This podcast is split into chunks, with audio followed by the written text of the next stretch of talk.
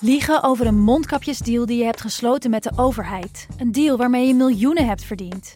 Dat doet toch alleen Siewert van Liende? Nou, nee. Ik ben Felicia Alberding en in de Mondkapjesmiljonairs duik ik met een team van correspondenten in andere schandalen. Want wist je dat Siewert helemaal niet uniek is? Luister de Mondkapjesmiljonairs in je Podimo-app. Of ga naar podimo.nl slash mondkapjes. En probeer Podimo 30 dagen. podimo.nl slash mondkapjes. Deze podcast is 100% expertisevrij en alleen geschikt voor amusementsdoeleinden. De inhoud mag niet worden beschouwd als financieel advies. Dit is Jong Beleggen, de podcast. Ik ben Milou. En ik ben Pim. En in deze aflevering hebben we het over angel investeren. Ja, met een gast, Jeroen. Ja, Jeroen Bertrands. Ja. Auteur van meerdere boeken over bijvoorbeeld startups. Maar hij is zelf angel investor en nou, vrij verdienstelijk eh, heb ik van jou begrepen. We gaan het hebben over uh, wie zijn nou de aandeelhouders van oprichting tot een IPO. Dus als wij uh, mogen investeren in een bedrijf, van wie nemen wij nou de aandelen over? We hebben het dan ook over bijvoorbeeld bedrijven als Molly, die nog, een, nou, die nog naar de beurs moeten. Ja, Message, Bird en Coolblue natuurlijk ook. Allemaal prachtige bedrijven waar we allemaal willen investeren. Maar we hebben het ook over private equity, venture capital, investeringsfondsen. Ze komen allemaal langs. Ja, en de lieve sukkels. Laten we maar snel beginnen. Ja, Jeroen, welkom. Dank je. Angel investeerder. Wat betekent dat nou precies? Ja, het is, het, is, het is alsof je een soort engel bent die andere mensen gaat helpen om hun dromen waar te maken. Hè? Dus je, je stelt geld beschikbaar zodat zij kunnen gaan ondernemen. En, en daarom zien ze je als een angel investor. Oh, dus het is daar ook wel echt naar vernoemd. Ja, daar komt het wel vandaan. En, en Pim, hoe heb jij hoe ben jij Jeroen op het spoor gekomen? Um, nou, ik heb eigenlijk al heel lang interesse in, uh, in start-ups en alles wat daar omheen zit. Dus investeren is dat is ook een onderdeel van uh, het start-up landschap. Um, en ik, ik, volgde jou al een heel lange tijd via Twitter. Nou, dit, is best wel een klikje in Nederland, dat, die, dat productgroep met developers, designers, investeerders. Uh, dus ik volgde je al een lange tijd. En ehm, ik had jouw boek altijd op de leeslijst staan. En ik heb ze allebei gelezen en daarna heb ik je een berichtje gestuurd van dit, uh, ik denk dat jij een mooie toevoeging uh, bent in de show. En nou, ik mooi. heb zelf natuurlijk ook heel veel interesse om wat meer over jou te weten. Dus ik ben ook heel nieuwsgierig. Dus uh, ik volg ook heel erg met deze podcast mijn eigen interesse. Dus ik ben heel blij dat je hier bent. Want waarom Dank. is dit zo interessant voor jou? Ja, ik, het, het, je merkt gewoon in, vooral in software. En ik ben daar heel erg geïnteresseerd in. Vooral softwarebedrijven. ja, die zonder investeringen, dan is het eigenlijk onmogelijk om software te maken. Omdat software gewoon, je hebt heel veel kosten voordat je überhaupt wat kan verdienen.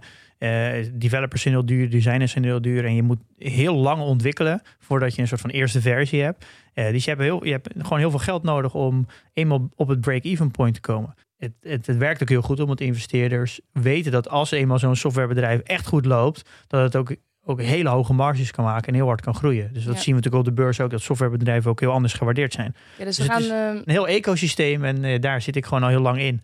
Eh, en dat vind ik gewoon heel interessant. ja, dus we gaan met jou, Jeroen, ja, eigenlijk doornemen hoe dat nou gaat. Hoe be- een bedrijf, een start-up, geld aantrekt. Welke investeerders erbij komen. En nou ja, hoe dat dan op een gegeven moment naar de beurs gaat. En of dat interessant is voor beleggers. Klopt, we gaan al die fases bespreken. Kijken wat er allemaal gebeurt. eh, eh, en hoe je daar zelf eventueel betrokken bij zou kunnen zijn. Ja, en ik wil ook wel weten of, ik, of het iets is voor mij. Of ik zelf een, een angel investor kan worden. Of moet je hier schat hemeltje rijk voor zijn? Ik heb geen idee eigenlijk. En doe je het voor een bedrijf of doe je het in je vrije tijd? Nou, ik doe het helemaal voor mezelf.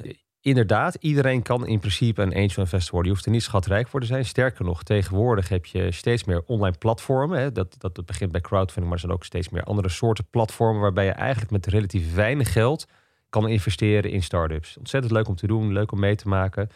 En eh, daar gaan we het ook over hebben. Ja. Het lijkt me best wel eh, moeilijk ook. Want je weet nog helemaal niet of het iets wordt natuurlijk met zo'n zo'n start-up. Ja, dat is ontzettend lastig. Ehm, het merendeel van de start-ups faalt ook. Die, die gaan ofwel failliet of die, of die leven een heel eh, ja, eh, klein bestaan, zeg maar. Hoeveel groep. procent blijft overeind? Nou, dat percentage wordt wel steeds beter. Steeds meer bedrijven overleven omdat je met minder kosten iets kunt bouwen tegenwoordig, vergeleken met vroeger. Maar, maar je ziet toch wel dat, dat, dat zo'n 60% maakt niet waar wat er beloofd is in het begin. En, Ja. eh, en een groot deel daarvan eh, valt ook echt om. Dus het is veel. Ja. hoeveel, hoeveel investeringen heb jij nu tot nu toe gedaan in als angel investor? Ja, ik heb er dus heel veel, maar dat, dat, eh, dus honderden. Maar dat past ook bij mijn, bij mijn aanpak. Omdat ik zeg, je, eh, juist om die vraag die je net stelde, zeg maar, veel valt om. Het is moeilijk te voorspellen van tevoren. Er zijn wel natuurlijk dingen waar je op kan letten, dus we het ook over hebben. Maar eh, omdat veel omvalt, moet je verstandig zijn. En net als met beleggen misschien wel, moet, moet je spreiden. En, dat- en, en dan moet je ervoor zorgen dat de echt hele goede dat die eh, ervoor zorgen dat degenen die omvallen, zeg maar, compenseren. En het liefst nog een beetje meer. Ja, want ik, ik heb even op je website gekeken, maar je hebt, hebt geïnvesteerd in Notion. Nou, ik ben nu letterlijk, Notion. nu letterlijk de notities uit Notion aan het lezen. Da- daar maak ik, eh, Ik daar Ja, maak ik de website in en dat doen we ons wel voor. Heel ik vind goed, het heel goed. een fantastisch product. Ik vind het heel Ja. knap dat je daar in als, als angel in hebt kunnen investeren. Want even Ja. tussendoor, voor wie het niet kent, dat is dus een, soort, een, een online plek waar wij allebei in kunnen werken, zien wie er Dat is nou, aantekeningen kantoor maken. eigenlijk. Dat Dit is onze kantoor. kantoor. En onze website. ik ken dit nog niet, maar het werkt echt eh, als ja. een, als een Nou, jullie zijn niet de enige die ermee eh, werken, dat kan ik je vertellen. Het gaat eh, heel erg hard met het bedrijf. Ja, het is Ja. een super groot bedrijf om te worden. Het is Ja. echt, eh, echt een beetje echt een hit is het. Klopt, ze hebben net, eh, nou ja, net, vorig jaar ook geweest, vorig jaar mei hebben ze eh, 50 miljoen opgehaald bij een waardering van, eh, van 2 miljard. Eh, maar sindsdien is het nog veel, veel harder gaan met het bedrijf. Dus ik verwacht binnenkort wel een nieuwe ronde ook. Ja, maar dat, jij zit daar echt heel vroeg in. Ja, hoe- eigenlijk als hoe allereerst zo'n beetje. Dus Als allereerst? eh, ja, een jaar of eh, vijf, zes geleden hadden ze wel wat gebouwd. Maar eh, ja, en ik vond het super interessant wat ze gebouwd. Maar met name die mensen die, die daarachter zitten, zijn zulke slimme gasten. Ik dacht van ja, ik weet niet wat ze gaan bouwen, maar eh, deze mensen gaan altijd iets moois bouwen. Dus ik moet gewoon bij zijn. Ja, ik vind het heel knap dat je daar tussen hebt kunnen. Helemaal als Nederlander. Het is een Amerikaans eh, bedrijf. Klopt, Ja, klopt. Het is altijd best wel moeilijk, denk ik, om als Nederlander in die Amerikaanse start-up wereld terecht te komen. Ja, het was ontzettend lastig. Ehm, dus wat wat ik heb gedaan moment toen ik echt met investeren aan de slag wilde gaan, is, is heel hard gewerkt aan netwerk. Dus heel veel eh, met Amerikaanse mensen gesproken, ook geholpen. Eigenlijk een jaar lang eh, gratis mijn diensten. Ik heb een online marketing achtergrond, maar, maar dus daarbij geholpen. En eh, dat, dat leidt op een moment toe dat je dan ook wat, ja, wat meer gevraagd wordt voor investeren. Ja. Mensen zeggen, nou, die, die, die, die, die persoon die kan je wel helpen hiermee. En dan, dan gaat dat makkelijker. En eh, eh, ja, Ja. dan word je ook meer voor om in te investeren. Wat grappig, dus je investeert met meer dan alleen je geld. Van tevoren ga je er ook best wel veel tijd in steken. Maar denken zij dan niet van, huh, wat een rare Hollander, wat, wat wil die eh, van ons? Wat wil die doen? Ja, klopt. Dat, dat is ook zo. Want Amerikanen werken het liefst met Amerikanen. Eh, en Amerikanen investeren ook het liefst in Amerikaanse bedrijven. Maar, maar op, op dat moment had ik, eh, had ik een aantal mensen al, die kende ik al. En, en zij waren met, met een groepje waren ze aan het investeren in dit, dit specifieke bedrijf. En eh, eh, ja, toen werd ik uitgenodigd om mee te doen. Ja. Was er wat geld, was, was er een plekje over. En eh, dus ja, gewoon geluk gehad denk ik ook wel een Ja. beetje. Ja, maar als we dan verder kijken, dan heb je Rapi, Glovo, Mux en eh Snapdocs en Carta. En ik denk dat de meeste mensen het niet kennen, maar Rapi is volgens mij, dat is ook een, eh, een bezorger. Ja, Rappi is zeg maar een soort thuisbezorger, maar dan voor Latijns-Amerika. Ja. Ehm, doet het goed, doet het goed, maar zijn wel bedrijven waar ontzettend veel geld in moet. Ja. Eh, dus dat betekent, waar we straks ook even over hebben, dat hoe meer geld er opgehaald wordt, hoe, hoe, hoe, hoe meer jouw belang zeg maar, in het bedrijf verwatert. Dus min, min, je krijgt min, steeds minder aandelen zeg maar, in het bedrijf. Eh, dus, dus, dus dat is weliswaar in waardering evenveel waard als bijvoorbeeld Notion, maar, maar mijn positie is daarin veel minder groot. Omdat je door de tijd verwaterd bent. Maar ik vind Ja. het dan weer knap. Hoe kom je nou als angel investor in een bedrijf terecht in Zuid-Amerika? Ja, dit, dit bedrijf, eh Rappi, heeft meegedaan aan eh, Y Combinator. Eh, y Combinator is een, een, zogenaamde accelerator. Een accelerator is eigenlijk een soort bedrijf die ervoor zorgt dat startups heel snel in de beginfase kunnen groeien. En, en Y Combinator is ehm, ja, wereldberoemd, zeg ik altijd maar. In mijn boek wordt er ook veel over geschreven, hoe dat allemaal werkt. Eh, en die halen meestal geld op in Amerika. Eh, en, en, en niet in de landen waar ze zelf zitten, zeg maar. En zij, zij deden ook mee daaraan. En op een bepaald moment kwam dat, eh, kwam dat voorbij. En ook weer hier een groep mensen die, die erin instapten. En toen heb ik ook mee kunnen doen. Ik heb thuis in de show notes voor alle, allemaal podcasts van Y Combinator ook erin gezet. Ik heb ze zelf allemaal geluisterd. Het is echt fantastisch. Ja. Als je wil weten over startups en veel wil leren. Super interessant. Wat ook wel heel interessant is bij die podcast van Y Combinator... is dat er dus ook heel veel bedrijven die nu beursgenoteerd zijn... daar zijn begonnen. Eh, bijvoorbeeld een Airbnb volgens mij. Klopt. Eh, en een, eh, een Dropbox. Dus het is heel interessant als je belegt in, in, die, in dat soort bedrijven... is om ook die podcast te luisteren van de early days. Klopt. En waardoor je dus ook een beetje gevoel krijgt van... wat is toen de tijd het idee geweest? Wat is de cultuur? Dus je krijgt een, een heel mooi idee over hoe het bedrijf zich heeft ontwikkeld. Zelfs een uh, goede podcast als je, ja. als je ja, veel over wil leren. Ja. Ja. Um, nou, ik ben echt onder de indruk van, van je tracker. Ik denk dat je een van de misschien wel de grootste angel investor in Nederland ben ik, als het op vanuit persoonlijke titel. Uh, nou, de grootste weet ik niet, maar, maar uh, wel qua aantal investeringen. Er zijn, er zijn in Nederland een aantal andere angel investeerders die, die, die, die aanzienlijk meer geld hebben dan ik. Dus die, die, dus die zullen qua, qua bedrag wat geïnvesteerd een stuk groter zijn, denk ik. Maar, maar ja, uh, ik, ik, ik probeer echt te spreiden. Ik denk dat je dan meer kans hebt op een goed rendement. Uh, natuurlijk druk je het rendement ermee ook, want daarmee ga je ook een aantal missers meemaken. Mee maar per saldo gaat het nu uh, ja, gaat het supergoed. Ja. Het lijkt me leuk om, om eens met jou door te nemen over wat zijn nou alle fases eh, van een uh, van financieringsronde, waardoor eigenlijk een aandeelhouder erbij komt of een aandeelhouderswissel is, uh, tot en met de beursgang. Want waar ik heel erg geïnteresseerd in ben, wie zijn nou uiteindelijk de aandeelhouders als een bedrijf naar de beurs gaat? Dus als we over een IPO spreken, wie verkopen er dan de aandelen?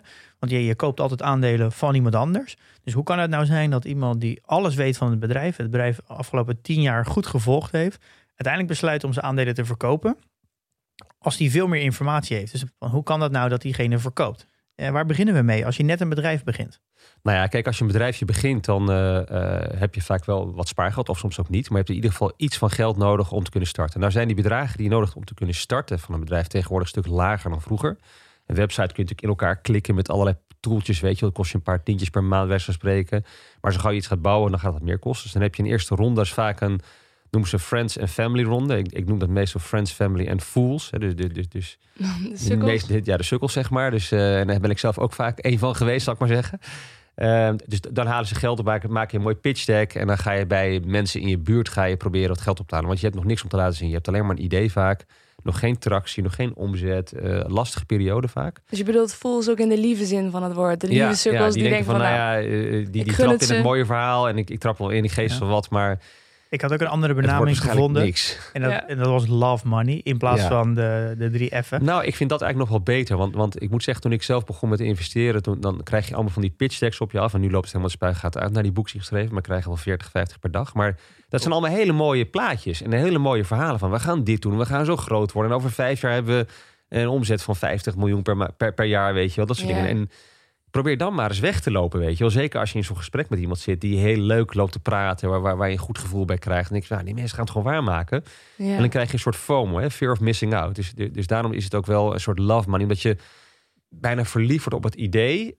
En ook verliefd op het idee dat je misschien wel over vijf jaar een enorme klapper gaat maken. En dan is het heel moeilijk om weg te lopen. Dus als ik ga praten met bedrijven, zeg ik altijd: ik stuur me eerst maar pitch deck, maar dan wil ik rustig bekijken. Ik wil jou helemaal niet spreken. Want, Nee. want, want voor je het weet, dan krijg ik een gevoel van: oh, dit is een slimme gast. En eh, Ah, dan gaat we worden? emotie. Ah, je probeert echt die... eh, ja, ik probeer die emo- emotie echt helemaal weg te duwen. Want, want, want dat is het grote gevaar, zeg maar. Als je op emotie gaat investeren, dan, eh, dan is het wel heel leuk vaak in het begin. Maar dan gaat het vaak Ja. niet goed aan het eind. Ja, dat is volgens mij een algemene les als het gaat om eh, investeren en beleggen. Emotie buiten de deur houden. Ja, dat moet je. Nou ja, dus exact. Dat, dat geldt eigenlijk voor alles waar, waar je geld aan uitgeeft.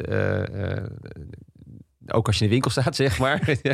Emotie is natuurlijk een hele goede methode om dingen te verkopen. En datzelfde geldt voor start-ups. Die kunnen op die manier heel goed door emotie erin te brengen, door een mooi verhaal voor te spiegelen, jou overhalen om ergens geld in te Ja, steken. maar maar dat, dat is die eerste, eerste, dat noem je eerste de, ronde. de pre-seed. Ja, de, de pre-seed, ja. ja. Ja. Voor het zaadje. Klopt, je hebt eigenlijk wat geld nodig en daarmee ga je een soort zaadje planten. En dan, Ja. eh, ja. Nee, dus heb je eigenlijk alleen nog maar een idee op papier. En je gaat in de, de pre-seed round ga je wat geld ophalen om een eerste idee uit te kunnen werken. Klopt, dat, dat is die fase inderdaad. En dan Ja. heb je dus, maar je kan dan ook geld hebben, denk ik, van subsidie of een innovatielening of creditcards. In Amerika hoor je altijd. eh, dat eh, zeggen ze, we maxed out all the credit cards we Ja, have. Dat is echt wel een beetje dat starter Die is, verhaal. eh, ja, het mooiste dat altijd inderdaad. Inderdaad hebben ze gewoon vijf creditcards en die zijn leeg eh, getrokken. Nee, dat Mm. klopt. En eh, dit, dit zijn vaak wat kleinere bedragen meestal. eh, tienduizenden of, of soms, soms, soms een ton. Maar het is, ja, je haalt over wat vandaan. En het is ook inderdaad verstandig om over te kijken waar je geld kan halen. Als je inderdaad subsidies kan krijgen, dan waarom niet? En, en in principe is, is, is venture capital ophalen is, is niet het meest aantrekkelijk. Want je geeft een deel van je bedrijf op als onderneming. Je Ja. kan ook naar een bank gaan, daar hoef je niks op te geven. Maar vind je niet, mm, alle, het zijn vaak designers en developers die natuurlijk een bedrijf starten. Die hebben altijd een, goede baan al. Die verdienen best wel een hoop. Je moet toch eigenlijk altijd zo'n pre-seed op vaak wel kunnen financieren vanuit eigen middelen toch? Als je een beetje een paar jaar een beetje spaart, dan moet je toch eh, prima zo'n pre-seed zelf redden. Ja, ja, enerzijds wel. Ehm, alleen je ziet vaak, zeker in Nederland, dat we best risicomijdend zijn. Dus mensen durven niet al hun geld er zeg maar, aan, te, aan te besteden. En die willen toch ook wat extern geld ophalen. En soms denken ze ook met, een- met zo'n ronde dat ze iemand eraan kunnen verbieden die, die, die ook wat toegevoegde waarde heeft, zeg maar. Dus dan, om die reden geef je aan iemand, zegt iemand, joh, jij mag meedoen met, met die pre-seed ronde. Maar dan moet je wel ook wat kennis brengen en dan, dan heb je een kans om mee te doen. Dus het is een beetje een combinatie van die dingen die gezocht worden. Ja, Als je ook een supergoed idee hebt, dan is het toch ook stom om eerst vijf jaar te gaan zitten sparen voordat je kan beginnen. Nou ja, ik neem bijvoorbeeld een, misschien portfolio dividendwerker, de PDT die we aan het ontwikkelen zijn. Heb ik natuurlijk voor de keuze gestaan om of het, het zelf te doen of het geld op te halen. Maar ja, in principe kan je dat zo liefst, je wil het liefst zo, zo lang mogelijk uitstellen om als je geld nodig hebt. Ja. Omdat je, ja, hoe eerder je natuurlijk investeerders bijhoudt, hoe, hoe meer je moet weggeven voor een lager bedrag. Klopt. Dus je wil het liefst natuurlijk zo ver mogelijk in, eh, in, de, in de en- toekomst en deal. Dat is het spel waar je mee zit. En, en, en wat je nu wel ziet, is dat ehm, precies van deze reden, is, dat die waarderingen van bedrijven ook steeds hoger worden geduwd. Dus, dus, dus in zo'n pre-seed ronde was vroeger een bedrijfje misschien op papier een miljoen waard. Tegenwoordig zegt een ondernemer, nou ja, weet je, ik, eh, er is zoveel geld, eh, doe maar 2 miljoen, weet je wel. Dus, dus dat, dat is het spel wat je moet spelen als ondernemer. En het is inderdaad waar, als je in het begin te veel weggeeft van je bedrijf, dat is echt een grote fout. Ik, ik kom ook wel eens bedrijven tegen die, die zeggen in, in zo'n pre-seed ronde, die willen 30% van de aandelen opgeven. Ja, als je dat dan al doet, dan, dan kom je in vervolgrondes in grote problemen. En, dan- en, en het klinkt misschien gek, dan gaat je bedrijf echt aan kapot. Waarom kom je dan in zulke grote problemen? Nou, bij de vervolgrondes moet je ook weer geld ophalen. Moet je ook weer percentage aan de investeerders geven. Ja, en op een gegeven moment ja, op een bepaald moment is, is jouw persoonlijke ehm, belang in het bedrijf wordt te klein. Waardoor jouw motivatie ehm, om iets groots te bouwen, om door te gaan, om door te pakken, eh, gaat afnemen. En Ja. Dat, dat zie ik elke keer opnieuw. En dat lijkt raar. Eh, Maar, maar, maar naarmate een founder zeg maar te weinig aandelen heeft in het bedrijf, ehm, zie je gebeuren dat, eh, ja, dat, dat ze minder makkelijk met tegenslagen omgaan. Ja. Pim, maak je even aantekeningen voor jouw eh, PDT? En dan hebben we natuurlijk nog de, de Valley of Dead. Dat hoort natuurlijk ook eh, typisch bij de, de pre-seed. Ja, klopt. Du- du- Dus dan haal je een beetje geld op. ehm, en dan ga je eigenlijk eh, aan de slag met ontwikkelen. En dan al vrij snel zie je bij, bij zo'n bedrijfje van of het wel of niet wat wordt, weet je wel. Want, want je hebt je eerste productje MVP misschien en dan ga je proberen daar geld voor te vragen. Eh, en, en dat is ook de fase tussen deze fase en de volgende financieringsronde waar, waar het vaak misgaat. Want bij de volgende ronde dan, dan wil je een groter bedrag ophalen. Maar dan is de vraag van een investeerder dus ook groot. Die zegt van ja, oké, leuk. Ik wil daar best wel misschien wel eh, vier, vijf ton in steken. Tegen een veel hogere waardering. Maar dan wil ik wel ook zien dat je de eerste verkoop hebt gerealiseerd. Dat mensen het waarderen. Dat mensen tevreden over zijn. Dat mensen blijven. Dat mensen niet weglopen, zeg maar. Dus je hebt best wel wat, wat tractie al nodig om dat voor elkaar te krijgen. En, en ja, dat lukt niet altijd. En als het daar al niet lukt, dan is da- daar het moment eigenlijk waar de meeste bedrijven toch wel omvallen. Ja. Dus dan eindig je in de dodenvallei. Dus, dus Ja. de volgende ronde, dus dan eigenlijk de seed round, dat is, daar moet al een, pro- een product zijn, er moet al wat, Ja. wat tractie zijn, er moet al wat bewezen zijn. Ja, je moet, je moet eigenlijk, waar, waar, waar ik, waar ik eh, zelf naar kijk, is dan wil je tractie zien bij klanten die eh, niet bekende van je zijn, zeg maar. Dus je krijgt ook wel eens van die pitch decks, en dan staat erin van ja, we hebben al eh, x omzet geboekt. En dan ga ik eens kijken, wie zijn die mensen? Ja, dat zijn allemaal familieleden, vrienden, weet ik van waar ze dat doen. En, die- en die hebben dan gezegd, weet je, ik doe drie maanden, doe ik het omzet, kan je een mooi deck maken en daarna ben ik weer weg. Dus je wil eigenlijk dat bij koude klanten, dat, dat er geld attractie is gerealiseerd, zeg maar. Ja, je wil eigenlijk een, een, een, een sprankeltje hoop zien van, van Ja, bewijs dat, dit, dit dat- bestaansrecht heeft. Dat iemand het wil kopen die jou totaal niet kent, dat die ervoor wil betalen. En ook voor een wat langere termijn, zeg maar. Dus niet voor één maand, maar wat langer. En, ja, dat, daar, dus als we nou in ronde 2 zitten, daar is waar echt naar gezocht wordt. Ja, ja. En volgens mij in, in de, de terminologie, of om in de terminologie te blijven, dan zit je echt in de, de product market fit. Dat is een beetje. ja, daar, dat- zit je dan, eh, daar, zit je, daar ben je dan naar op zoek, zeg maar. Dus daar, daar, daar, kom je in de buurt, zeg maar. Dus, dus dat, je verwacht nog niet echt dat je dat al echt helemaal hebt. Dus dat, dat je product market fit is, zeg maar, dat, dat, dat, dat, dat product past bij een markt. En er is een groot genoeg een markt voor, zeg maar. Dus dan, eh, als, je, als je die fit hebt gevonden, heb je eigenlijk alleen maar geld nodig om, om zeg maar te verkopen, verkopen, verkopen. En dan gaat het, wordt het verkocht. Dus product market fit is, is ideaal als je dat kan bereiken. Hier zit je nog net een beetje ervoor, zeg maar. Maar, maar Ja. je komt, je komt, er zit een gevoel dat je er wel gaat komen, zeg maar. En net hadden we de friends en de family en de fools. En wat voor mensen investeren in deze fase? Nou ja, dit is, dit is zeg maar de seed fase. Dan, dan kom je wat meer in de, in de professionele angels en misschien de kleine, echt kleine fondsen, zeg maar. De wat kleinere fondsen. Die dan zeg maar al in Ja. zo'n ronde gaan, eh, gaan instappen. is, een, eh, is crowdfunding ook een mogelijkheid in deze ronde? Ja, dat zit, dat zit er wel, dat zit er wel eh, hier een beetje. Dat, dat kan soms ook wat eerder zitten, of soms ook wat later. Maar dat is hier wel een beetje de, de plek waar het vaak gebeurt. Maar er ontstaan dus hier eigenlijk al meerdere type aandeelhouders. Want in eerste instantie heb je natuurlijk de founders. ja, En dan eventueel eh, Friends, Family of Fools. En misschien een angel investor. Maar ze zijn vrij beperkt. zijn allemaal privépersonen. Ja. Zeg dat het misschien een, een klein groepje privépersonen. Maar dan gaan we eigenlijk naar in de ronde twee. Dan kom je eigenlijk al in een veel grotere, meer, ja, grotere groep aan aandeelhouders. En ook veel meer, eh, die veel meer afstand hebben. Er zijn meer bedrijven die investeren. ja, klopt. Dus, dus, je krijgt inderdaad wat fondsen ook. Die, die, die, die, ja, die, hebben, die, zeggen vaak wat ze heel erg gaan helpen. Maar in de praktijk valt het altijd erg tegen. Met uitzondering daar gelaten. Maar, maar die staan meer afstand inderdaad van het bedrijf. En die, die steken dan wat geld in. En crowdfunding dus. Ja, je hebt allerlei soorten, heb je er wel van. Maar, maar eh, wat dat daar gebeurt, is dat een bedrijfje die, die, die presenteert een product. Ehm, ook vaak helemaal openbare. Er staat op een website, je hebt diverse crowdfunding platformen in Nederland. Je hebt eh, internationaal ook diverse. Die, die is heel openbaar. Staan ook altijd alle cijfers, businessplannen bij. Zo is ontzettend interessant om naar te kijken. Als je zelf angel investor zou willen worden, is dat een goede start.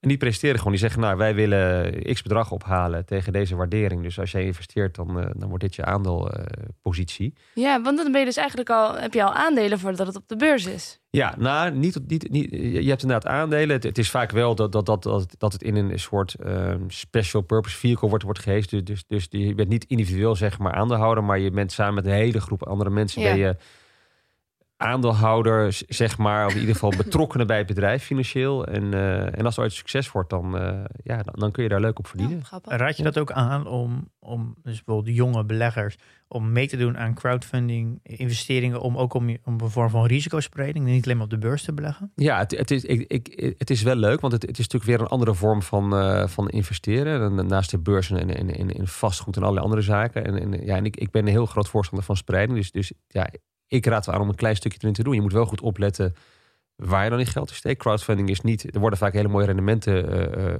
voorgespiegeld. Dat, dat, dat lukt nou niet altijd. Ook hier geldt. Bij crowdfunding gaan veel bedrijven mislukken gewoon. Dus je kan Ja. je geld echt wel 100% kwijtraken. De beurs kan een aandeel zakken. Maar eh, ehm, weet je, het gaat nooit echt naar nul toe. Die kans is niet heel groot. Terwijl Ja. bij start-ups is die kans veel groter. En er is een ander punt. Als jij geld steekt in crowdfunding, is, is dat geld zit hartstikke vast. Het, het is illiquide. Terwijl op de beurs kan je een aandeel verkopen. Heb je, Ja. heb je gewoon je geld. Eh, als jij geld in, een- in, in, in een start-up steekt via crowdfunding, ja, dan duurt het gemiddeld 7 tot 10 jaar voordat je misschien een keer een exit hebt. Soms is het sneller. Soms duurt het nog wel 20 jaar, zeg maar. Dus het geld zit vast. Je kan er niet aankomen. Je kan niet eruit halen. En dat, dat is ook wel een groot nadeel.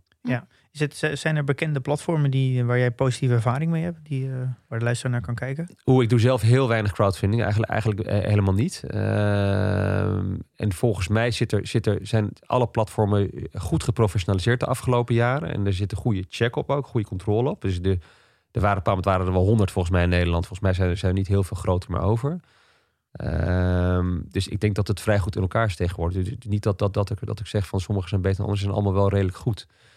Ja. Eh, ja. Nou, ik zal er wel, ik zal ze een paar opzoeken en even in de, in de show notes zetten. Dat Ja. ja. luister even rond kan kijken. Want daar zie je ook wel meer dan alleen maar technologiebedrijven, denk ik. Ja, je ziet, daar, je ziet daar echt van alles. Dus, dus, het zijn wij spreken bedrijven die, eh, eh, die een nieuw soort appel ontwikkelen hè, de- en dat verkopen. En, en, en via crowdfunding fans zoeken en investeerders zoeken. Eh, tot en met inderdaad eh, deep technology bedrijven die iets proberen te bouwen wat over, over drie jaar misschien een keer af is. En, Ja. eh, en waar je ja, veel groter risico neemt. Oké, eh, zullen we weer teruggaan naar, naar de ronde? We hadden natuurlijk Ja. in ronde 2. Is, wat is, is, is ronde 2 ook het moment dat, dat je naar break-even gaat? Of is dat, of is dat te vroeg nog? Nee, is te vroeg. Eh, eh, Wat bedoelen we met break-even? Nou, je hebt natuurlijk die, die Valley of Dead waar we net over hadden. Dat je dus Ja. heel veel kosten hebt om, om software te ontwikkelen. Maar dat je eigenlijk nog geen omzet hebt. Ja. Het duurt even een tijdje voordat als- je... Een bedrijf dan flopt en dan eh, zit het in de dode vallei. Ja, maar en dan als ben je op een gegeven moment als het toch blijft groeien, dan komt het op een gegeven moment ook op een break-even point. Want de kosten die blijven vaak vrij gelijk. Die, zitten niet aan een, die stijgen niet mee met de omzet, omdat je niet echt een kostprijs hebt. Dus op een gegeven moment bereik je een break-even point. En dat is eigenlijk een, volgens mij vanaf dat moment is het echt een, eh, kan het heel hard gaan met de winsten. Klopt. Ja, ja wa- wat je ziet, dat break-even punt, dat wordt steeds verder eh, vooruitgeduwd. Zeg maar. Vroeger werd dat inderdaad eerder verwacht. Tegenwoordig, en ze- zeker met die modellen waarbij je zeg maar, per maand betaalt. Terwijl vroeger kreeg je gewoon als bedrijf kreeg je een heel jaar vooruit betaald. En dan stuurde je gewoon een factuur voor een heel jaar. Nou, je hebt het nu gekocht, een licentie. Dan had je dat geld, eh, een groot, mooi groot bedrag in één klap binnen. En nu Mm. betalen ze per maand, dus smeer je dat uit. Dus duurt het ook langer, zeg maar, voordat je eh, het break-even punt gaat bereiken. Dus dat wordt ook later verwacht, zeg maar, door, door investeerders meestal. Ja, maar het interessante natuurlijk wel is dat als je eenmaal voorbij dat break-even point gaat, gaan de kosten eigenlijk bij, nauwelijks meer omhoog. Dus eigenlijk elke nieuwe klant die je na je break-even point binnenhaalt, is gewoon pure winst. Ja, is 90% marge vaak op Ja. bij, bij, bij softwarebedrijven. is echt enorm hoog. Dus, Oh. eh, Dus dat is een heel belangrijk punt. dat is een heel Ja. belangrijk punt. Ja. ja. Wij zijn daar bijvoorbeeld nog niet met PDT. nee, nee oké. Ehm, en dan eh, de volgende ronde. Eh, dan zitten we denk ik in ronde. Dat is de, noemen ze dan de early stage. Ja, dat noemen, dat noemen ze vaak een Series A. Eh, ja, dat is ooit zo, die benaming is ooit ontstaan. Series A, en dan krijg je B, C, D. Dus, dus dat, dat, is, dat zeg maar een, een, ronde waarin product market fit bereikt is. En eigenlijk ehm, stelt het bedrijf van oké, we halen nu gewoon een fors bedrag op. En het enige wat daarmee gaan doen is, is nou, we gaan het product verder uitbreiden, maar we gaan met name sales en marketing doen. Dus we gaan gewoon zorgen dat we het product wat we ontwikkeld hebben, waar behoefte aan is in de markt klaarblijkelijk, gaan we zoveel mogelijk en zo snel mogelijk eh, verkopen. Zodat we steeds meer, eh, meer abonnees krijgen van ons, eh, van ons Ja. model. Dus eigenlijk het idee is dat eigenlijk een soort van het break-even point in theorie bereikt kan worden. Ja. Maar dat wordt bewust uitgesteld omdat er namelijk heel veel geld ingaat om het klantenbestand zo hard mogelijk laten groeien. En dat zijn natuurlijk eenmalige uitgaven, marketing en sales. Het idee dat als je een klant eenmaal binnenhaalt, dan kost die eigenlijk niks meer. Ja, Die, en daar ontvang je een, een omzet voor per maand eigenlijk van. Eh, En je kan op een gegeven moment, je komt op een gegeven moment op een punt dat je gewoon die marketing sales kan stoppen. En dan zakken je kosten extreem. En dan hou je natuurlijk heel veel. eh, hou je exact. En dan, dan ben je, marges. heb je een heel winstgevend bedrijf, heb je Ja. als het goed te staan. Ja. dat is een beetje het idee van die, eh, van die eh, Series A. Ja, ja, dat is daarvoor met name bedoeld. En wat voor type aandeelhouders komen er dan bij? Nou, dan krijg je echt alleen maar eh, de wat grotere eh, venture capital fondsen die daarin stappen. En, Ja. eh, en, en dat gaat vaak ook, eh, als het bedrijf echt goed groeit, gaat het echt om vele miljoenen. Eh, dus dan is de waardering van het bedrijf ook al een stuk groter. Dan, eh, ja, dan, is het, dan, is het, dan is het echt tientallen miljoenen waar je vaak over, en, over praat. en, met wat voor percentage stapt venture capital in? Nou, dat, dat- die hebben vaak toch wel een, een, een minimale eis aan, eh, aan het bezit wat ze krijgen van zo'n bedrijf. Dus dat is vaak 15%, 20%. Het wisselt een beetje per fonds. Eh, maar daar moet je wel aan denken. Dus, dus je bent wel be- best een stuk kwijt, zeg maar. Maar als ik dan even zo eh, die drie rondes bij elkaar tel, dan denk ik dat je toch al snel zo'n 40, 50 procent van je aandelen al hebt weggegeven aan andere aandeelhouders, denk ik. Ja, dat, het hangt er vanaf hoeveel, eh, hoeveel geld je ophaalt en, en hoe, hoe, hoeveel je verbrandt, zeg maar. Maar, maar eh, ja, het gaat, het, ik denk dat je, nog- je, je hebt de meerderheid nog wel in handen als bedrijf, zeg maar. Maar het, het wordt wel steeds lastiger om dat te behouden. Is het ook heel erg gebruikelijk dat, dat er bijvoorbeeld alleen maar aandelen weg wordt gegeven waar geen stemrecht op zit? In deze dat rondes? gebeurt, ja, dat, wordt- dat, dat gebeurt. Eh, het, het hangt heel erg af van, van, van hoe goed het bedrijf draait. Als het een heel goed bedrijf is, wat, wat steengoed draait en waar iedereen in wil stappen, ja, dan worden er hele andere eisen gesteld door, door de founders dan, eh, dan bedrijven die gewoon leden draaien waar het goed gaat. Maar eh, waar, waarbij zeg maar de, de, de, de, de- ja, de macht van de, van, van de founders wat minder groot is. Dus je ziet, je ziet vaak, als, als je die Series A's naast elkaar gaat leggen, die, die, die overeenkomsten, zie je vaak enorme verschillen in, in de rechten die worden toegekend aan de, aan de founders aan de ene kant en aan, en aan de investeerders aan de andere kant. Het heeft Ja. dus allemaal te maken met hoe goed het bedrijf is en hoe waarschijnlijk het is dat Ja, ja. ook meerdere mensen willen investeren, dat je meer eisen kan stellen. Ook als Klopt. Take it or leave it. ja dan eigenlijk wel. Ja. Ja. Ik, ik was eh, van, de week het lesje aan het onderzoeken. En eh, dat heb jou wel bekend, denk ik. Ja, zeker. Ehm, er staat ook op de watchlist die we vorige week besproken hebben. Mhm. Daar kwam ik achter dat de originele founders, die zijn, al, zijn co-CEO. Dat zie je bijna nooit. Dat het dus twee founders ook samen het bedrijf doen. Maar die hebben dus vier, was er 45% van de aandelen, maar 89% van het stemrecht. Ja, ja. En Dat is echt, dat heb ik nog nooit gezien, dat, dat ze zoveel stemrecht hebben. Ja, dat, dat, nou ja, kijk, als, dat is natuurlijk een bedrijf wat, wat echt een succesnummer is. En, en dan, dan kun je dit soort eisen gaan stellen op een bepaald moment. En je zegt van, joh, vind het leuk en aardig allemaal, maar eh, we gaan de boel even aanpassen in, onze, in ons voordeel, zeg maar. En, en, en dat, dat gebeurt lang niet altijd. Het is wel echt een uitzondering, maar, maar bij dit soort bedrijven kan dat. En eh, kan je iets meer vertellen over de, het, hoe werkt zo'n venture capital? Dat is denk ik een fonds, denk ik. Ja, dus fonds. Hoe werkt zo'n fonds? Nou, die fondsen die, die, die hebben vaak mensen. er gaat twee kanten op. Eh, Enerzijds hebben ze vaak mensen in dienst die continu aan het zoeken zijn naar, naar interessante bedrijven waar ze in zouden willen stappen, die bij hun focus passen. En anderzijds worden ze natuurlijk ook zelf doorlopend benaderd door allerlei bedrijfjes die bij hun geld willen ophalen. En dan, en dan hebben ze een aantal analisten zitten en die gaan het allemaal vergelijken. Die gaan eh, die, die cijfers vergelijken met andere vergelijkbare bedrijven. En op een bepaald moment gaat zo'n fonds gaat dan een term sheet sturen naar zo'n bedrijf. En in zo'n Ja. term sheet staat eigenlijk gewoon joh, wij willen eh, x miljoen investeren tegen deze waardering met deze rechten voor jullie en, eh, en deze rechten voor ons. En dan kan zo'n start-up kan dan zeggen, nou, eh, leuk en aardig, maar we hebben nog vijf term sheets gekregen en we gaan er één van kiezen en niet die van jullie. Ja. Ehm, als sheet getekend is, is eigenlijk, is eigenlijk de ronde rond, maar zo gaat dat in principe in zijn werk. Maar eh, waar haalt zo'n venture capital het geld vandaan? Want het, het moet ergens anders vandaan komen. Dat hebben ze Ja. niet zelf. Nou, die, die, die, dat, dat klopt. Eh, het zijn in principe gewoon fondsen die geld ophalen bij allerlei andere partijen. Dat zijn vaak eh, eh, personen die, die veel geld hebben, maar heel vaak ook bijvoorbeeld pensioenfondsen. Of andere fondsen weer, die, die weer in fondsen doorinvesteren. Dus het is, het is allemaal weer geld van, eh, van andere partijen weer die daar weer in zitten. Ja, dus eigenlijk zijn ze, het is dus een groep mensen bij elkaar die gaat eigenlijk met beleggen met geld, investeren van, van een ander. Exact. Het, Ja, het, dat- het is Dus dat is echt anders dan de eerdere rondes waar het vaak een persoonlijke titel is. exact. Ja. Begint het nu eigenlijk meer het, het afstandelijke geld te worden. Ja, het is echt geld wat, wat, wat, wat, wat, wat ja, niet van de persoon die investeren zelf is. Ja. Voor een heel klein deel wel, want vaak zo'n fonds wordt vaak opgericht door een aantal mensen en die steken vaak ook een paar procent eigen geld erin. Ja, die moeten skin in de game hebben. ja, want dan Ja. kunnen dat, dat ze ook wel echt nadenken over wat ze doen. Hè? Want als, ze- als het niet goed gaat, verliezen ze zelf ook geld. Ja. Eh, maar, maar het is grotendeels is het geld van derden. Ja, en Dat noemen we toch durfkapitaal? Of niet? ja, Ja, dat is, ja, dat is de exact. Nederlandse variant, Ja. dat klopt. Ja. Ja. Ja, nee, voor mijn idee van... Dat klinkt altijd wel wel positief vind ik. Toch heb ik het idee dat er soms ook, maar dat kan ook mijn anti-geld sentiment zijn, wat ik dan wat soms opspeelt. Dat het ook een schimmige business een beetje kan zijn, of is dat niet zo? Ik bedoel, bijvoorbeeld met HEMA.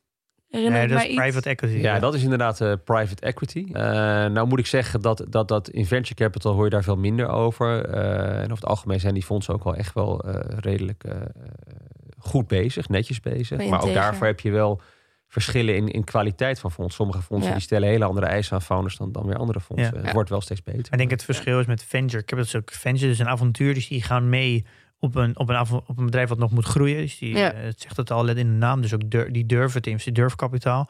En private equity is veel meer een zoeken naar kansen. Bijvoorbeeld de HEMA, nou T-Mobile nu, die hebben ze gekocht. Die, Ja, gaan, ze, 5 die- gaan ze helemaal leegtrekken. Alle zetmasten verkopen. Heel veel schulden inzetten. En dan op een gegeven moment voor hetzelfde bedrag weer verkopen. En Ja. Dus, dus een, private equity is, denk ik, is heel anders dan... Dat is een, eh, hele, ja, is een andere business. En, eh, maar ik, ik, ik, be- ik begrijp dat, dat je het noemt, want het wordt wel vaak onder, onder dezelfde noemer wordt het besproken.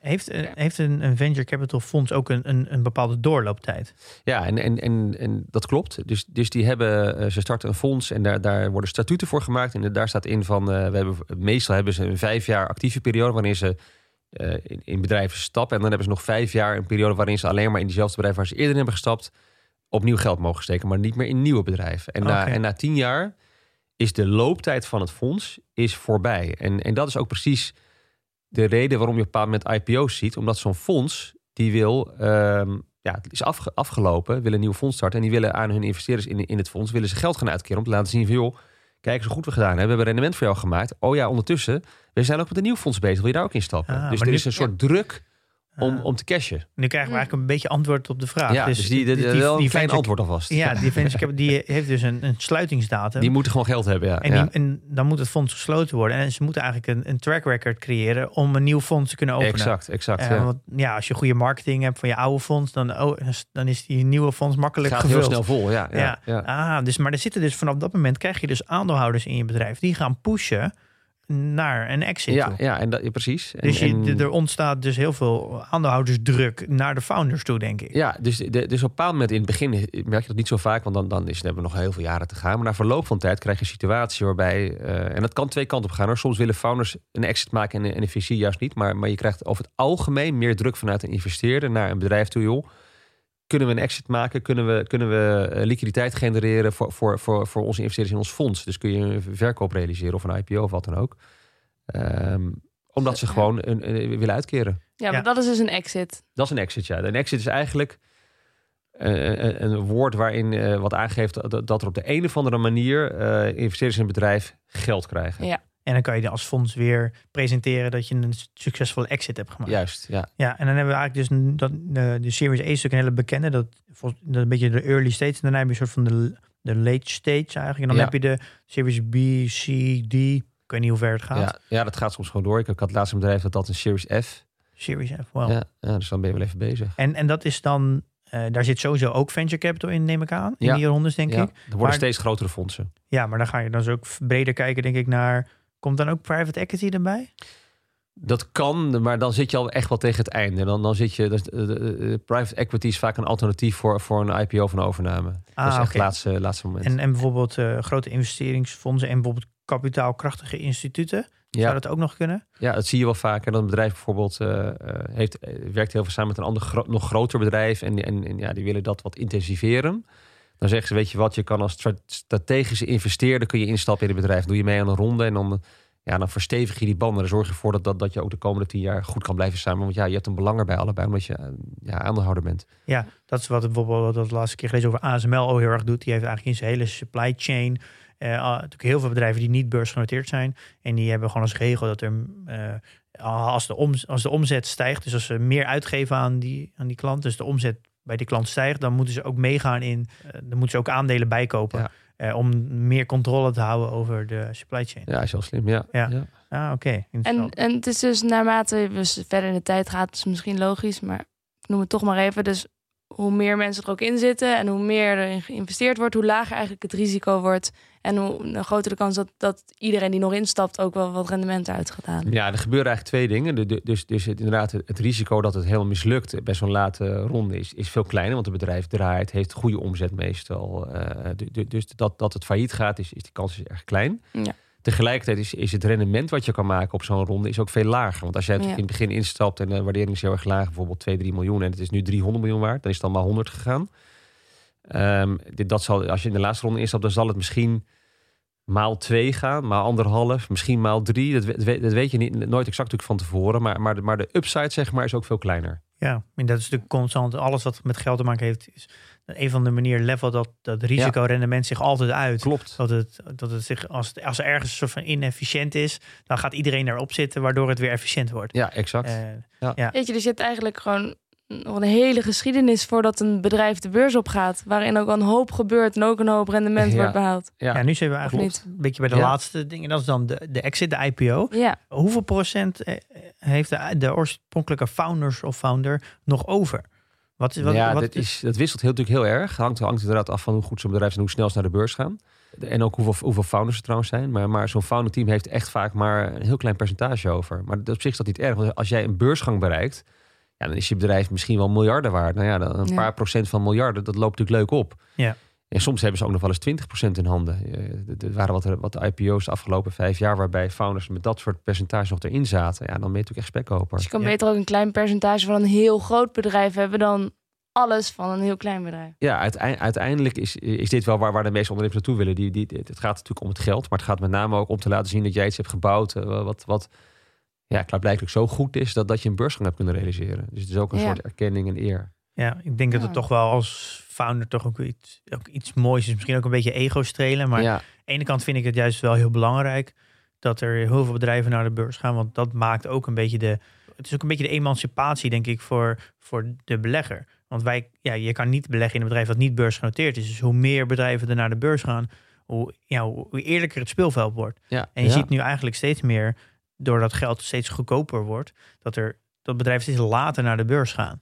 Eh, en dat is natuurlijk eigenlijk super jammer, waardoor je eigenlijk als, ja, vooral ja, zeg als eh, jonge belegger, kan je eigenlijk pas heel laat instappen. Wat natuurlijk super Klopt. jammer is. Ja, nee, dat, dat, is- dat is echt een trend. Je zag, je zag vroeger dus echt dat het, eh, nou ja, was het tussen de, laten we zeggen, zes en acht jaar, dat, dat bedrijven van oorsprong naar, naar een beursgang. En, en dat, dat, dat schuift steeds verder op, omdat er, wat jij zegt, er is zoveel privé geld beschikbaar om, om maar door te blijven financieren. En wat ook meespeelt, is dat veel van die oprichters, die vinden beursgang wel heel stoer en heel mooi, maar het brengt ook wel allerlei gedoe met zich mee. Want je moet aan allerlei Ja. voorwaarden voldoen. En iedereen gaat opeens naar je kijken. Je moet alles publiceren.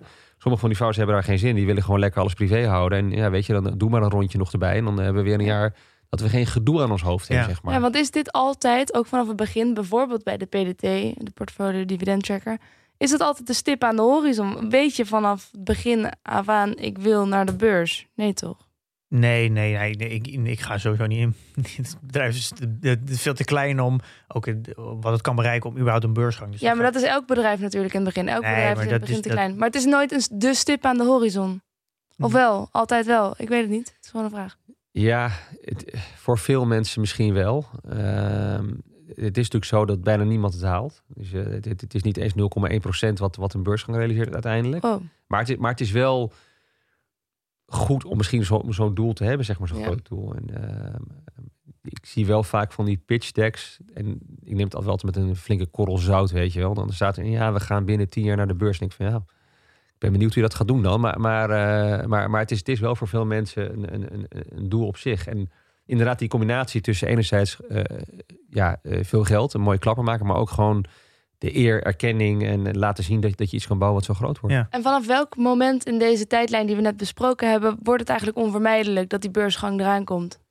Nou, het, het- hoe meer extern geld in een bedrijf zit, hoe onvermijdelijker het wordt. Want al die Ja. mensen die er geld in hebben gestoken, die willen op een moment willen, willen die, een- dus, dus die exit maken. Die willen liquiditeit, die willen een, een- een- ja, het geld terug hebben en het liefst een, meer- een, een, een meervoud ervan. Uh, dus die druk wordt, wordt na, na verloop van tijd wordt, dat, neemt, Ja. dat neemt enorm toe. Je, je kan niet continu privé blijven, tenzij je eh, mensen de mogelijkheid geeft om bijvoorbeeld aandelen aan het bedrijf terug te kopen of, of aan, aan, aan derden te verkopen tussendoor. Want op een Ja. bepaald moment moet er liquiditeit komen. Want ik, dat vind ik op zich wel, ja, dat is een beetje het, het, conflict die ik heb. Dat ik merk dat echt goede founders eigenlijk het liefst geen beursgang willen. Want die willen eigenlijk die aandacht niet. Die willen gewoon een bedrijf bouwen. Ik denk dat Adyen een heel mooi voorbeeld is. Die, die, al die oorspronkelijke founders, die wilden eigenlijk helemaal niet die hoza van de beurs. Die willen het liefst gewoon een beetje het product blijven bouwen. Maar die moeten eigenlijk ook van de beurs. Ook om een serieuze speler te worden. Je kan niet klanten als Facebook en zo binnenhalen als je niet beursgenoteerd bent. Dus die weten dat het moet om, om het bedrijf groter te krijgen. Maar die willen het eigenlijk niet. Dus ik, dat zijn eigenlijk de, de bedrijven waar ik graag in investeer. Want die, ja, dat klopt het gewoon qua, qua manier hoe ze een bedrijf runnen. Uh, maar aan de andere kant zie je natuurlijk Molly en MessageBird. De, de grote concurrent ook van CM.com. Eh, voor de meeste luisteraars kennen dat wel. MessageBird. Die die had eigenlijk al lang naar de beurs moeten. Want het is heel jammer dat je daar eigenlijk nu niet in kan investeren. We zitten nu allemaal vast aan eh, cm.com. Al denk ik dat MessageBird een, een beter, mooier bedrijf is dan CM, denk ik. Maar daar kan je gewoon niet bij. Want daar zit venture capital, blijft daar maar geld in stoppen. Ja, klopt. Uiteindelijk gaat het natuurlijk wel naar de beurs. Maar daar gaat dan, denk ik, naar de beurs tegen een waardering van... Nou, mm. zal het zijn tussen de 5 en, de, 5 en de 10 miljard. Ja. Uh, en dat is eigenlijk wel jammer dat je, dat je het liefst ook uh, ja, die bedrijven ook veel eerder naar de beurs ziet gaan. Ja, klopt. Dat, dat, is precies wat je zegt. Ze willen, ze willen gewoon doorbouwen aan het bedrijf, uh, neem ik aan. Uh, ik, ik, ik, weet niet natuurlijk exact, maar. maar uh, en, en, en geen gedoe met, met een beursgang. Ja, en als je dan heel makkelijk 300 miljoen hebben ze volgens mij opgehaald. Uit de markt kan halen.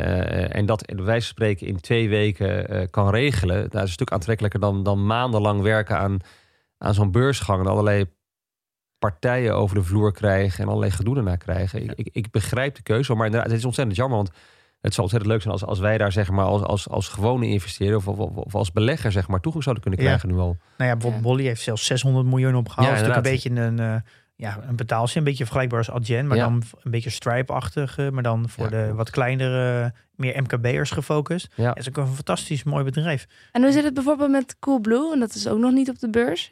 Valt hij ook hier een beetje in deze categorie? Ja, Coolblue valt er denk ik ook wel onder. Maar Coolblue heeft dan een hele andere model omdat er Hal is ingegaan. Dat is natuurlijk een heel groot investeringsfonds. Die is ingestapt voor 49% dacht ik. Of 51%. Even een, bij. Maar die, de reden waarom die natuurlijk naar de beurs gaan... is dat Hal wil, wil een exit. Ja, Hal wil met een exit. Het is natuurlijk ook gewoon in principe een investeringsvehikel... die, eh, die bepaald wil gaan verkopen. Maar die hebben, die hebben gewoon een kans gezien om, om, om, om ja, hier ook veel geld in te steken... en dit grote, nog groter te maken... Het is bijna een soort van semi-exit die daar heeft plaatsgevonden. Omdat, omdat die twee van de oprichters ook zijn uitgestapt op dat moment toen, toen Hal instapte. Maar inderdaad, die zullen uiteindelijk zullen die ook gewoon iets ermee willen. Je houdt een bedrijf niet alleen maar vast voor het dividend wat je elk jaar krijgt. Maar je wil uiteindelijk gewoon ook je, je, je, je initiële inleggen eh, ja, ver, ver, verveelvoudigen. Ja, het komt het ook, want ja, ik heb in jouw boek ook gelezen over dealflow. Jij krijgt, wat je net aangaf, 40 uh, pitch decks per dag. Ja. Dus je, jij moet op een gegeven moment ook weer kapitaal creëren. Want ik denk, ja, jij, jouw kapitaal is ook niet oneindig. Dus op een gegeven moment, uh, uh, op een gegeven moment zit al je geld vast in startups. Maar die dealflow blijft wel komen. En je wordt natuurlijk als angel investor niet meer serieus genomen als je niet meer gaat investeren.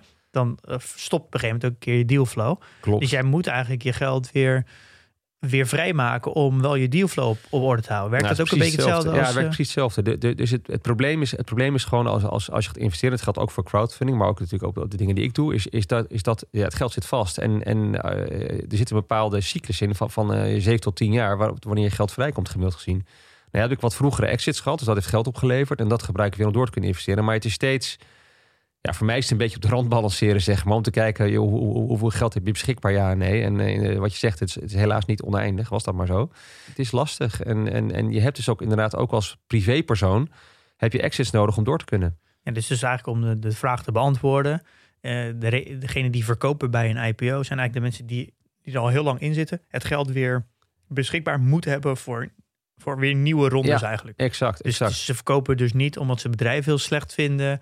Uh, of omdat ze heel erg, uh, omdat ze meer weten en, en zien dat, het, dat de groei stagneert of iets. Maar echt om geld uh, weer vrij te krijgen. Klopt, die druk is gewoon hoog. zeker voor die venture fondsen, maar inderdaad ook voor privépersonen die van begin af aan inzitten. Die, die ook weer nieuwe deals willen gaan doen. Die, die, hebben, ja, die willen gewoon die exit maken. En Ehm, en, en, en soms is het ook gewoon zo dat, dat zo'n bedrijf ook vraagt eh, aan je om, om bij een IPO gewoon uit te stappen. Omdat ze gewoon meer uh, liquiditeit op de beurs willen hebben, zeg maar. Dus je hebt een free float nodig. Ja, dus ze willen gewoon, en, en vaak willen, soms willen founders gewoon zelf een aandeel allemaal behouden. Wat uiteraard een heel goed teken is bij een IPO. Dan moet je zeker naar kijken als dat gebeurt. Dat is een goed teken. Maar dan zeggen ze, maar we willen wel voldoende free flow hebben. Dus, dus willen jullie als eerste investeerders alsjeblieft een exit maken en, ja. uh, en zorgen dat je verkoopt kan jij uit ervaring zeggen dat bedrijven die een IPO maken, de tijd ervoor, dus een jaar daarvoor, echt de boel een beetje oppompen om goed uit te komen bij een IPO? Want je ziet toch vaak dat een IPO de eerste jaar, twee jaar, het altijd, het, het, het altijd wat slechter doet. Heeft dat Ja. daar wel mee te maken? Ja, ja, over het algemeen wel. Kijk, die, die, die, die, die, die investeerders, inclusief de oprichters, die willen natuurlijk zo goed mogelijk een deal maken bij een IPO. Wat, wat ze per se niet willen, is dat na een IPO de koers verdubbelt. Dat is hartstikke leuk. Dat is leuk in de pers. Ja, koers verdubbelt. Nou, maar dan heb je in feite gewoon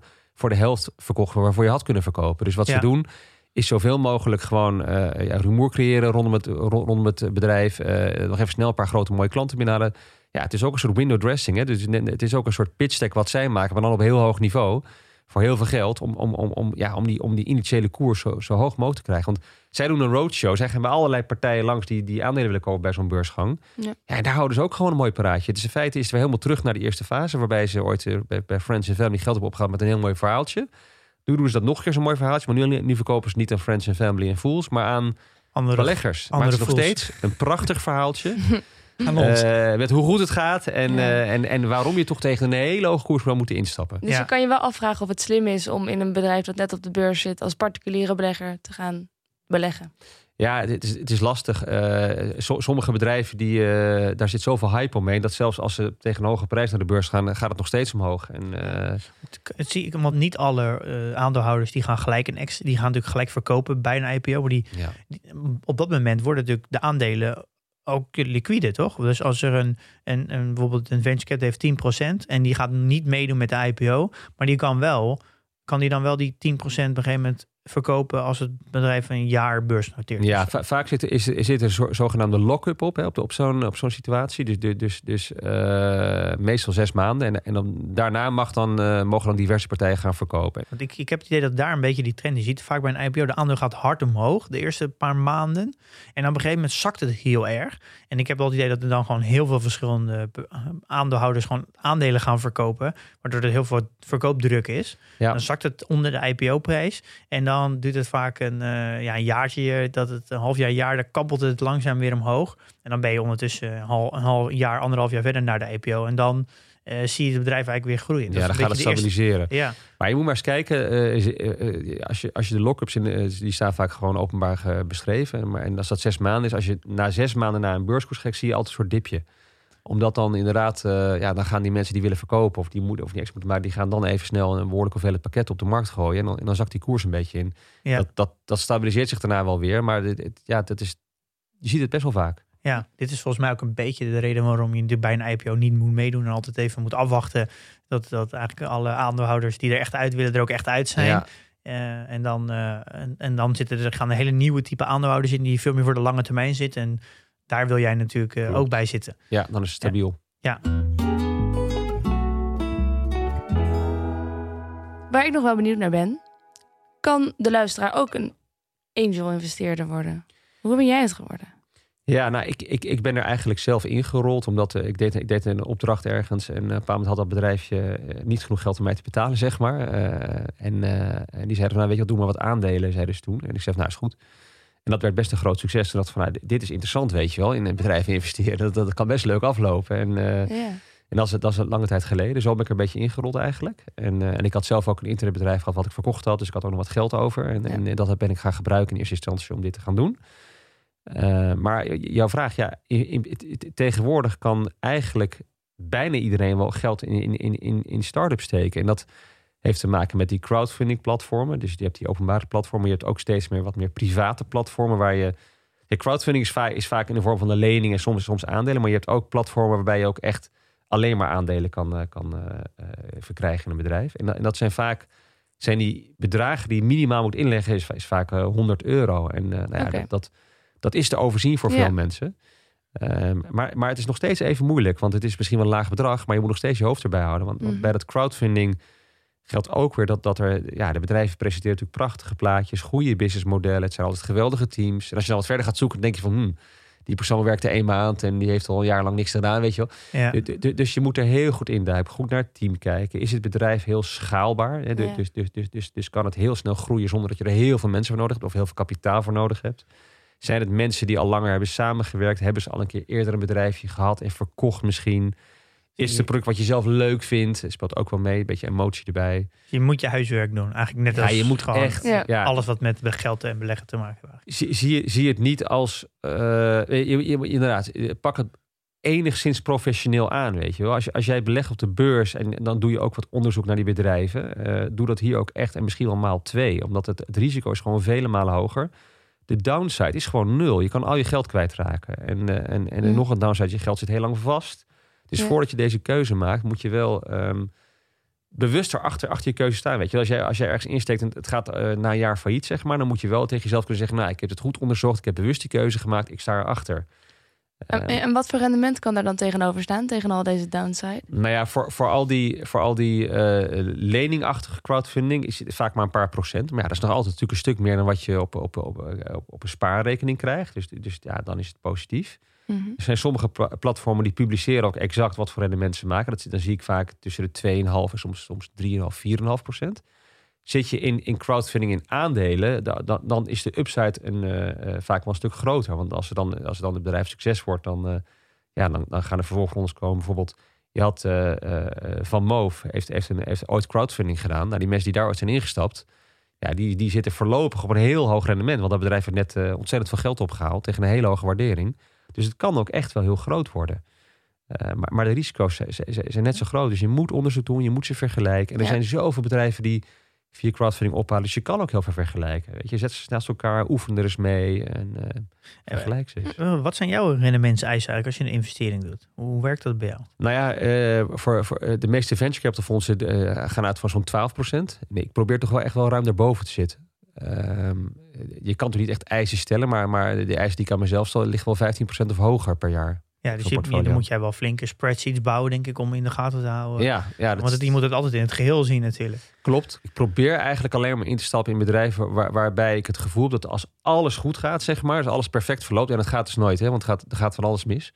Maar als alles goed zou gaan, zou dit dan maal 100 kunnen gaan. Omdat, omdat in, in venture capital heb je een aantal bedrijven nodig die echt zoveel keer moeten gaan. Anders dan kan je nooit die, al, al die mislukkingen of die matige investeringen eh, eh, ja, eh, zeg maar wegwerken. Ja. Ehm, dus dat gevoel moet, moet ik echt hebben gewoon. En, en, en dat, is, dat, is, dat is heel lastig om, dat, om dat in te schatten. En, en ook heel lastig om die, om die keuze op een te maken. Want dat, dat betekent dat je nee zegt tegen ontzettend veel dingen. Tegen 99 procent. Ehm, maar als ik het gevoel niet heb, ja, dan, dan haak ik wel af. Ja, interessant. Ehm, ja, wat ik eigenlijk nog om eerder aan is dat er best wel veel bedrijven zijn die eigenlijk, eigenlijk naar de beurs hadden gemoeten, vind ik. Maar door, door venture capital nog eigenlijk eh, privé gehouden worden. Er zijn natuurlijk Coolblue, Molly, MessageBird, Bucks. is natuurlijk ook een flinke investering van Proces en Tencent. Oh. Retransfer. Nou, Ja. eh, Bunk natuurlijk. Eh, die is ook in jouw boek eh, beschreven. Klopt, met Ali.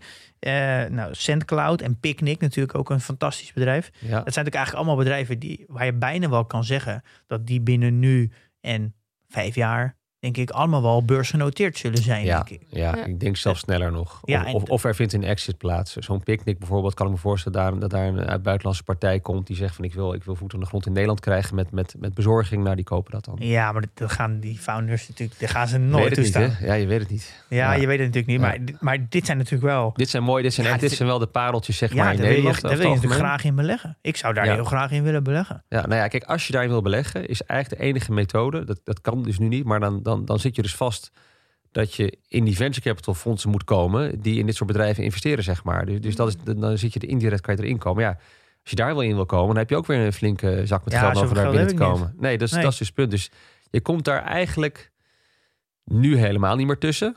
Ehm, en, en als je in het begin tussen wil komen, ja, dan, dan moet je ze net vinden. Op het moment dat, dat, dat ze bij ze spreken een hele eh, vroege ronde doen, dan moet je, moet je ze zien te Ja. vinden en tegenkomen. Top. Ja, eh, ik, wat ik wel grappig vind, de Stripe hebben we het eerder over gehad. Dat is natuurlijk de concur- grote concurrent van eh Adyen en ook een beetje Molly. Daar, dat, ik merk gewoon, als al Amerikaanse websites en Twitter, dat daar een extreme grote frustratie zit dat dat bedrijf privé is. Daar, Ja, ja. Ik heb het idee dat dat gaat de, de, de meest gehypte beursgang ooit worden. Iedereen Ja. wil daarin beleggen en iedereen heeft Ja. een extreme frustratie dat je daar niet in kan beleggen. Ja, klopt. Ja. Thuis met bijvoorbeeld Ikea en eh, een Lego bijvoorbeeld zijn ook prachtige bedrijven waar Ja. je ook dus ook niet in kan beleggen. Wat natuurlijk super jammer Ja. is dat je, ja, dat vind ik echt jammer dat je daar niet gebruik van kan, dat jij er gewoon niet eigenaar van kan Ja, worden. ja. vind ik echt heel jammer. Daarom vind ik de beurs ook echt iets heel moois, dat je dus gewoon als particulier eigenaar kan worden van, Van een heel bedrijf. prachtig ja. bedrijf. Ja, Ja. klopt. klopt. Ehm, Ja. Als, eh, als laatste wil ik eigenlijk nog erbij zeggen, is dat... we- ken jij de podcast How I Built This? Van, eh, Ik ken hem wel, ja. ja. van ja. Guy Raz. Ja, ik vind dat echt een fantastische podcast. Die heb ik in 2016 en 17. Dat was mijn favoriete podcast. Het is geweldig geproduceerd. Waar gaat het over? Eh, hij interviewt founders over de early days eigenlijk. Dus Ja. over, en dan niet... Hij gaat eigenlijk terugblikken van hoe ben je begonnen? Wat, de, wat zijn de, de grote chaos als het altijd bij die bedrijven. Ja, dat- je krijgt zo een, Ja. mooi, een mooi beeld over hoe, hoe zwaar het was voor Ja. de founder. En wat, wat voor hordes die heeft moeten nemen. En wat voor basisprincipes die had. Ja, dit geeft een heel mooi inkijkje in de basis, in de cultuur die gelegd is. En ik vind heel erg als de cultuur uit elkaar, uit eigen ervaring. Als die cultuur eenmaal staat, dan kan je eigenlijk bijna niet meer veranderen. Je kan honderden mensen niet zomaar even turnen. Ja, klopt. Dus als je wil weten van een bedrijf hoe de cultuur in elkaar zit, is het heel interessant om dan zulke soort podcasts te luisteren. Dan krijg je een beetje het gevoel van wat, wat zit er in het fundament. En er zijn tegenwoordig best wel veel bedrijven die daar zijn geweest. Founders die er zijn geweest, die ondertussen beursgenoteerd zijn. Zoals eh, een Shopify, een Atlassian, DoorDash, Beyond Meat, Lyft en eh, Airbnb en zo. Dus Hmm. het is ook echt een podcast, eh, echt een tip, een aanrader. Er zit, Ja. er zitten ook heel veel mooie afleveringen tussen die niet beursgenoteerd zijn, die ook heel leuk zijn hoor. Soms wel leuker zelfs. Maar dat is, zo doe ik ook vaak een beetje mijn onderzoek naar start-ups. Ja, Of ja. naar eh, jonge bedrijven op de beurs. Van hoe, omdat die vaak nog heel veel, heel veel interessante content hebben van eh, de jaren toen ze nog niet Ja, beursgenoteerd ja, waren. dat is leuk. Kun je de founders ook echt horen hoe, hoe zij denken, hoe zij zijn en, en hoe ze het bedrijf Maar voor, voor vanaf het moment bouwen. dat ze nog klein waren. Ja. En, dat is, en dan zijn ze, praten ze heel anders dan nu. Ja. Als ze beursgenoteerd zijn en je kijkt dan naar de content. Het is allemaal gereserveerd. Ja, dus je ja, moet- ja, je mogen ja. niks zeggen. En je mag geen woord zeggen, hè, want nee. voor je het weet heb je de, heb je de beurswaakhond op je dak Ja, en dan dus- eh, heb je een probleem. Dus als je echt wil weten hoe ze zijn, moet je content daarvoor kijken. Oh, toen het allemaal nog kleine babybedrijfjes waren. Ja.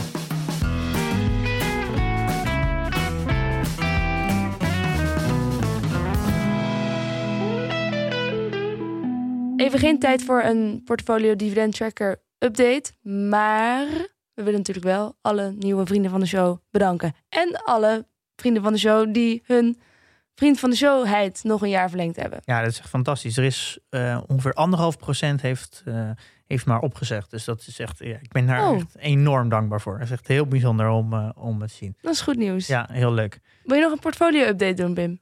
Eh, ja, dat doen we altijd. Hè? Ja. Ik heb geen, geen transacties gedaan. Maar mijn portfoliowaarde is wel wat gegroeid. Het is 247.800. Oké, en die van mij? 7393 euro. Oh, kijk, en de AX is bijna trouwens door de 800 heen gegaan. Hè? Dat is een eh, nieuw eh, record voor de, de AX. Oh ja. Misschien kunnen we het daar een volgende keer over hebben. Ja, laten we dat doen. Heb jij nog iets aan toe te voegen, Jeroen?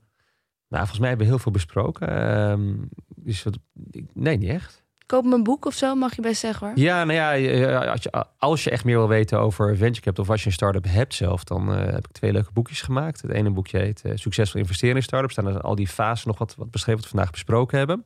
En het andere boekje heet Startup van idee tot exit. Dat is eigenlijk een, eh, dat is wel een leuk boekje, omdat dat ook een, inzicht geeft in, in de early days zeg maar, van, van ondernemers. Wat zij, hoe zij het in het begin allemaal gedaan hebben en hoe zij hun bedrijven groot gemaakt hebben. Daar zijn eigenlijk alle, nou, een groot aantal van de Nederlands meest succesvolle startups die hebben mij eh, daarover gesproken. Daar heb ik een interview mee gedaan en dat staat daar allemaal in beschreven. Ah. Eh, ontzettend leuk om te lezen. En eh, het, het, het, het geeft ook een, een gevoel van waar je naar moet kijken als je ooit wil investeren in een start-up. Ehm, ja, wat goede dingen zijn die ze doen en, en, en wat ze vooral niet moeten doen. Ja, jouw werk is niet schrijver zijn. En dat, dat merk je heel erg als je leest. Het is heel ja, simpel is dan weer negatief, maar het leest lekker. Ja, het, ja, het, het is, is- het, het leest heel vlot. Ik, Het is ik heb bijna een simpel een inderdaad, Dag, een eh. dag uitgelezen. Dus Ja, het, en dat, het is heel casual lezen. En dat, eh, ja, dat is natuurlijk lekker. is als goed je, hoor, dat is precies het doel. als je in een hangmatje in een Ja. zonnetje ligt, lees je hem zo uit. Het zijn niet Hmm. zulke dikke boekjes, dus je bent er zo Ja. doorheen. En eh, het is een uitstekende investering, zal ik maar zeggen. Ik, ik, heb er, ik heb ervan genoten. Ja, en ik heb hier ook van genoten. Ik vond het ook heel casual luisteren eigenlijk. Nou, goed te horen. Dus dank daarvoor Jeroen Bertrams. Ja, dankjewel. Ik heb ook echt van genoten. Het liefst had ik er nog een aflevering achteraan geplakt, want ik heb nog steeds honderd vragen. ik vind het, eh, ja, heel, ja, dankjewel dat je langs bent gekomen. Graag En, gedaan. Leuk om te doen. eh, Ja. Ehm, Pim, wat gaan we volgende week doen? Volgende week hebben we weer een gast. En dit keer eh, eentje van een beursgenoteerd bedrijf, Jitse Groen. We gaan het met hem hebben over hoe doe je nou een succesvolle overname. Als er iemand bekend staat over het aantal overnames, is het Jitse Groen wel. Het zijn er volgens mij nou, tussen de 12 en de 15 overnames in, eh, in eh, volgens mij 10 jaar tijd. Dus we gaan met Jitse Groen in gesprek over hoe doe je dat nou? Hoe breng je nou nieuwe bedrijven in je bedrijf? Hoe zorg je nou dat de culturen matchen? Nou, alle vragen. Omdat er gemiddeld gezien een uh, overname eigenlijk heel slecht uitpakt. Heb jij Ja, daar wel dus- eens van gehoord? Jitse Ja, Groen? nou, dat is heel uniek dat jullie mij hier hebben, kan, kan ik wel even meedelen. Want hij doet ontzettend weinig eh, interviews en, eh, en, en gesprekken. Dus dat hij hier komt, vind ik wel echt een, een plus. En hij staat ook in mijn boek genoemd eh, als een van de mensen waarvan ik vind dat je echt hele duidelijke focus ziet in, in wat hij doet. Hij heeft gewoon één focus, dat voert hij uit. Hij laat zich nergens to- tot afleiden. En dat is denk ik cruciaal voor een oprichter van, eh, van een Ja. bedrijf. En zeker wat knap is, hij, heeft natuurlijk, hij is natuurlijk alleen begonnen en, en nog steeds de baas daar. En, eh, en doet, doet het gewoon geweldig. Je ziet gewoon drive, passie en focus. En dat is cruciaal. Ja, ik kan wel zeggen dat het ook niet heel makkelijk was. Nee, nee dat, dat, dat- Maar ik dat- ben benieuwd naar zijn verhaal. Dus ik Ja. ga, eh, ja, geweldig. Ja, Ja, leuk. Jij kijkt er ook heel erg naar uit. Ja. ik ook. En we hebben zulke leuke gasten de komende tijd. Ja, goed. Nou, eh, ja, ik kijk er ook naar uit. En in de tussentijd, investeer in je kennis en beleg met beleid.